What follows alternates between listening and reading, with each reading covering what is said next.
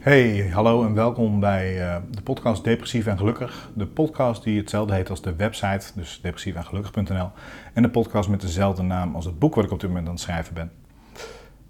Um, de vorige aflevering uh, was de opening van het nieuwe seizoen, het nieuwe deel om het even zo te zeggen. Die was uh, ontzettend wazig, denk ik. Hij ging van hot naar her, maar ik heb je geprobeerd duidelijk te maken wat op dit moment mijn status is. En dat het dus in ieder geval beter met me gaat. Um, en dat ik enorm veel ja, energie uh, en waardering voel. Energie krijg en waardering voel voor uh, mensen die mijn podcast luisteren, mensen die mijn website lezen, mensen die de moeite nemen om uh, contact met me op te nemen, om te laten weten dat ze herkennen wat ik schrijf, dat ik niet alleen ben, daar komt het eigenlijk op neer. En ehm, ja, ook vaak dat ze er iets aan hebben. En dat vind ik echt, ja, dat doet me echt heel goed. Dus daarvoor nogmaals bedankt. Deze tweede aflevering wil ik het gaan hebben over materialisme. En het is niet zo dat materialisme nou eh, per definitie een verband heeft met depressie. Maar ehm, ja, als ik uit eigen ervaring praat, dan, dan kan ik wel zeggen dat ehm, ervoor zorgen dat ik minder materialistisch ben, dat dat me wel heel erg heeft geholpen. Dus ook in de zin van hoe ik me voel.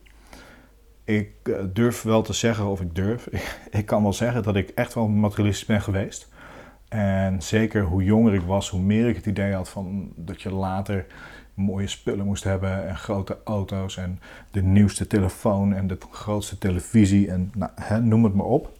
Dat is ook iets wat, wat gewoon overal eigenlijk in de media en de maatschappij gestimuleerd wordt, wat, wat zeker niet ehm, helpt om, om, om minder materialistisch te worden. Want uh, ja, ik zit dan zelf in de internetmarketing, maar goed, dat is weer een heel ander verhaal. Maar ik durf wel te zeggen dat ik een bewuste uh, ondernemer ben in die zin. Dus dat ik, uh, ik wil echt wel dingen verkopen, maar ik heb er veel meer aan als mensen daar ook iets aan hebben dan dat ik ze door de strot duw. Maar goed, dat even gezegd hebbende. Uh, feit is dat de hele maatschappij en de, de media, de marketing heel erg hun best doen om te zorgen dat je consumeert. Dat je koopt, dat je koopt, dat je koopt, dat je koopt. En dat je dan nog meer koopt. En uh, wat ik je net vertelde, ik kan niet ontkennen dat ik ook zo ben geweest. Dat ik ook echt wel materialist ben geweest. Dat ik de nieuwste iPhone elke keer moest hebben. Dat ik de, de keynotes van Apple keek, de, zeg maar de aankondigingen waarin ze nieuwe producten lieten zien. En dat ik uh, met mijn uh, Rabo-reader destijds uh, in de hand klaar zat om te kopen. Um, daar heb ik, ja, ik heb daar echt wel geluk aan beleefd. Dus dat, dat, is, dat is misschien juist wel het, het grote probleem. Het grote probleem is dat zo'n geluksmoment zo ontzettend kort duurt dat het andere dingen verbleekt en uh, dat het niet ophoudt. Het, met materialisme is het nooit genoeg. Als je nu de nieuwste iPhone koopt, dan komt er volgend jaar weer een nieuwe. En in de tussentijd komt er echt nog wel een nieuwe iPad. In de tussentijd zijn er nieuwe auto's, is er een nieuw dit, is er een nieuw dat. En je huis raakt vol met spullen, waardoor je echt chaos in je kop krijgt. Dat is ook een dingetje. Ik denk dat materialisme en uh, minimalisme, um, of eigenlijk anti-materialisme en minimalisme, wel goed bij elkaar horen.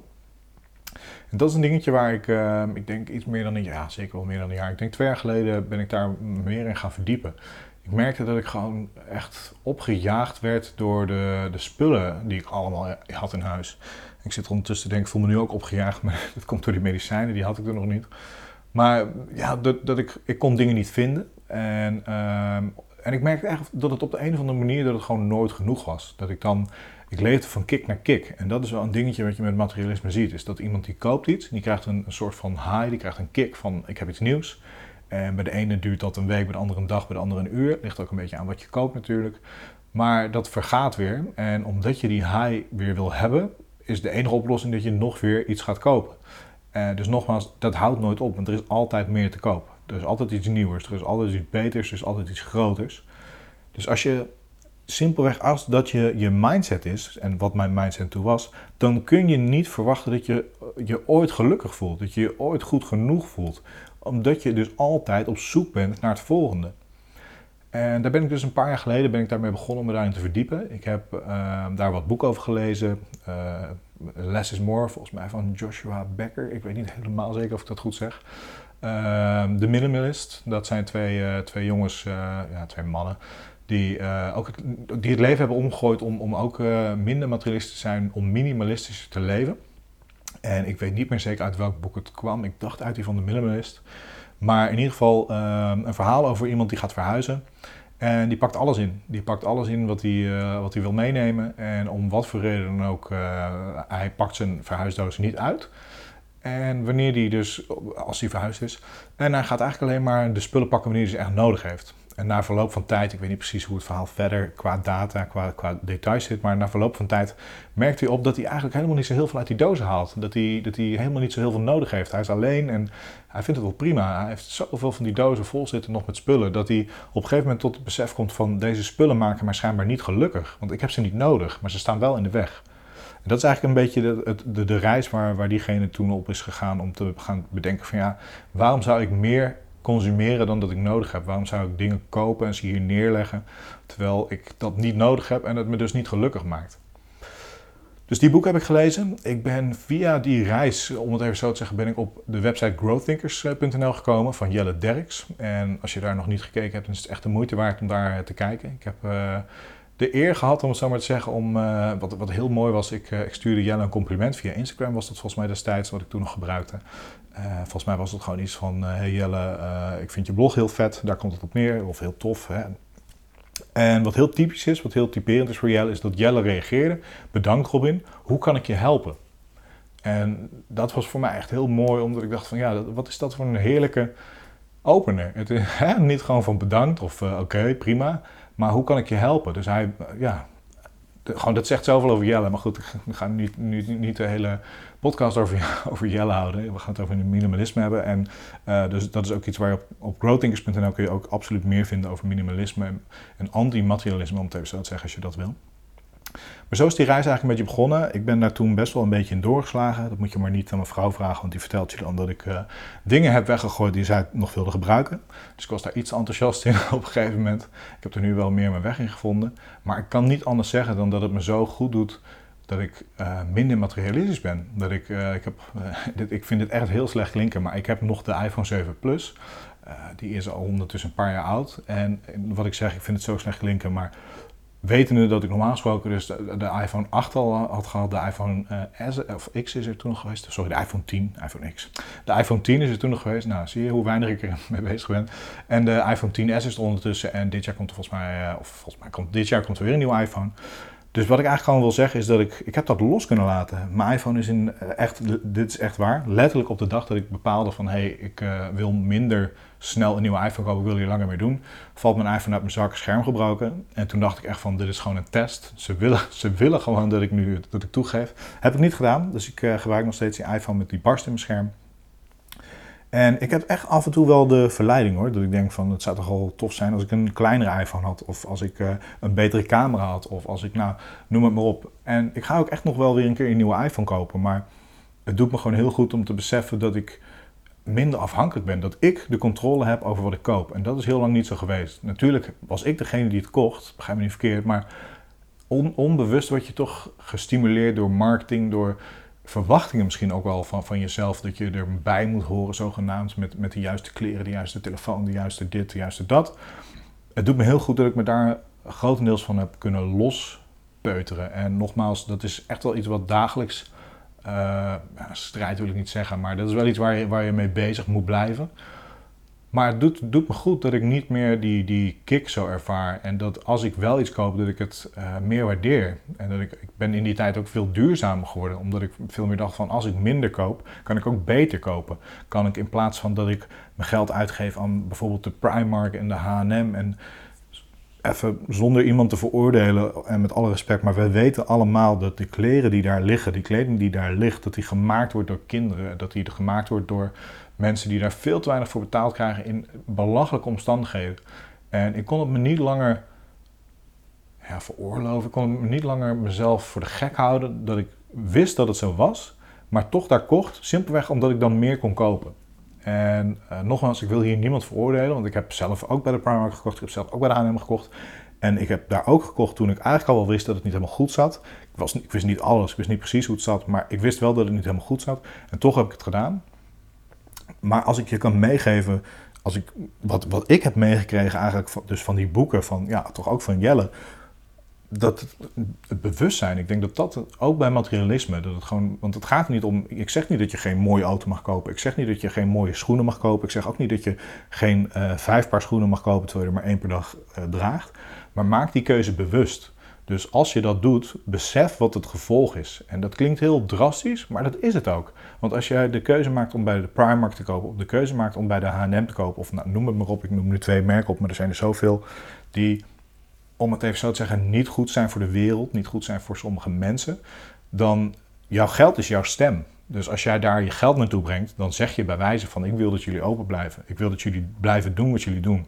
Want zolang als de Primark en de H&M en alle merken die ik nu niet noem, maar die er ook zijn, ehm, dit kunnen blijven doen en geld blijven verdienen in, in, met de hoeveelheid die ze nu krijgen, dan stopt dit niet. Dus besef je dat, hè, besef je dat, dat, dat wat je doet, dat dat een stem is. Dat wat je koopt, dat dat een stem is, laat ik het zo zeggen. Maar om even terug te gaan naar materialisme. Uh, ja, het heeft mij heel erg geholpen om gewoon om te minimaliseren. En ik denk dus inderdaad dat dat een beetje wel gelijk staat aan elkaar. Dat als je stopt met materialisme, dat je dan iets meer gaat minimaliseren. En het heeft mij ook geholpen om wat meer rust te krijgen. Want wat ik net al zei, um, als je zoveel spullen hebt. Ik heb dan bijvoorbeeld een thuiskantoor. En als ik, daar, ik had daar zoveel spullen in, nu nog steeds hoor. Want wat ik zeg, het blijft iets waar je, waar je mee bezig moet zijn. Maar um, ik had er zoveel spullen liggen dat ik gefrustreerd raakte omdat ik iets niet kon vinden. Omdat er zoveel was. En dan momenten dat ik datgene zocht wat ik nodig had, lag er zoveel in de weg wat ik niet nodig had en waarvan ik dacht van waarom heb ik dit eigenlijk nog? En ja, het is, het is ook wat ik, wat ik zei. Het is ook zo dat je. De, de maatschappij is erop ingesteld dat je consumeert. En de media, de marketing. En dat merk je in alles om me heen. Want als ik naar een, een, een zakelijk event of iets ga, dan krijg je een keycord en dan krijg je een, een USB-stick. En uh, per post krijg je uh, dit en dan krijg je dat. En uh, ook qua cadeautjes, dat is ook een goede. Ik denk dat dat, dat een van de dingen is waar ik aan het begin het meest moeite mee had. En uh, wat ik ook snap, uh, maar ik, ik, ik was vrij duidelijk naar mijn omgeving toe in de zin van dat ik dus minder materialistisch wilde zijn, dat ik meer wilde minimaliseren, dat ik minder wilde kopen, dat ik ehm, bewuster wilde kopen, dus dat ik alleen nog maar duurzaam wilde kopen eigenlijk. En uh, dat is ook wel lastig, want bijvoorbeeld in die tijd ben ik natuurlijk ook maar een jaar geweest en mensen waren van mij gewend qua materialistisch, uh, ja, gewoon dat ik wel spullen wilde, dat ik, dat ik dingen wilde hebben, dat ik, uh, weet ik veel, accessoires voor mijn iPhone of, of kleding of nou, noem het maar op.